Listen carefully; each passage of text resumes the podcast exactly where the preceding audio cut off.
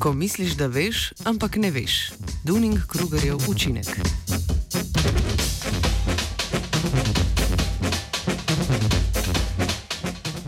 Za dobro jutro bomo pogledali nedaven slovenski znanstveni prispevek z področja percepcije lastnega znanja, oziroma natančneje pojava, ko mislimo, da nekaj znamo, a v resnici ne. Ukvarjali se bomo z Dunning-Krugerjevim učinkom.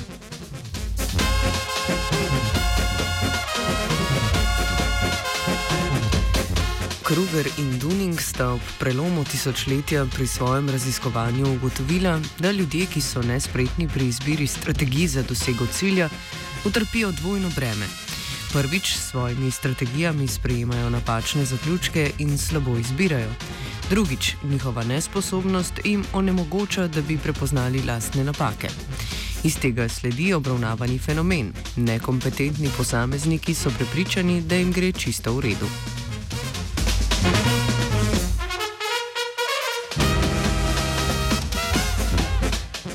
Slovenska študija gre ravno v to smer. Raziskovalca sta predvidevala naslednje.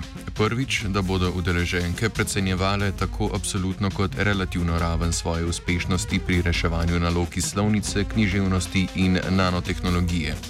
Drugič, tako na absolutni kot relativni ravni uspešnosti se bo najbolj precenjevala najslabša četrtina udeleženk. Tretjič, najboljša četrtina bo najtočneje ocenila svojo absolutno uspešnost in bo najbolj podcenjevala svojo relativno uspešnost.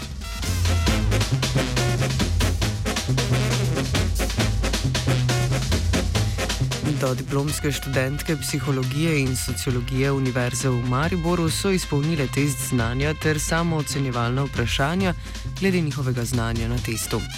Raziskovalca sta ugotovila, da so precenjevale absolutno raven svoje uspešnosti, niso pa precenjevale svoje relativne uspešnosti. Udeleženke so mislile, da so vedele več kot v resnici, vendar so v skupini znale umestiti svoje sicer precenjeno znanje.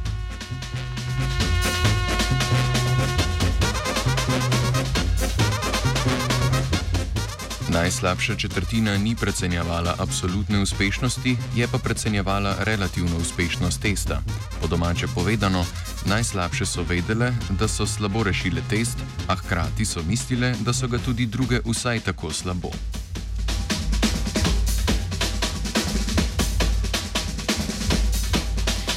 Najboljša četrtina pa je, tako kot sta avtorja predvidevala, pravilno ocenila absolutno uspešnost in podcenjevala relativno uspešnost. Najboljše so sicer vedele, da so dobro rešile test, vendar so mislile, da so tudi druge prav tako dobro ali bolje rešile test.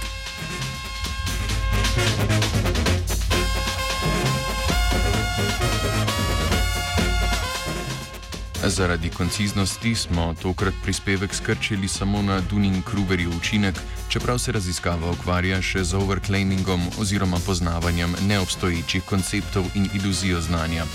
S tem smo se hoteli izogniti temu, da bi poslušalstvo trdilo, da ve več kot v resnici ve, ker je par minut poslušalo o tej temi.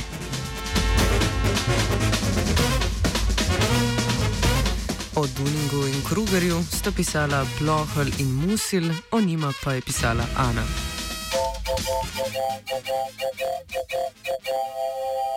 Znanstveniki pred mikrofonom.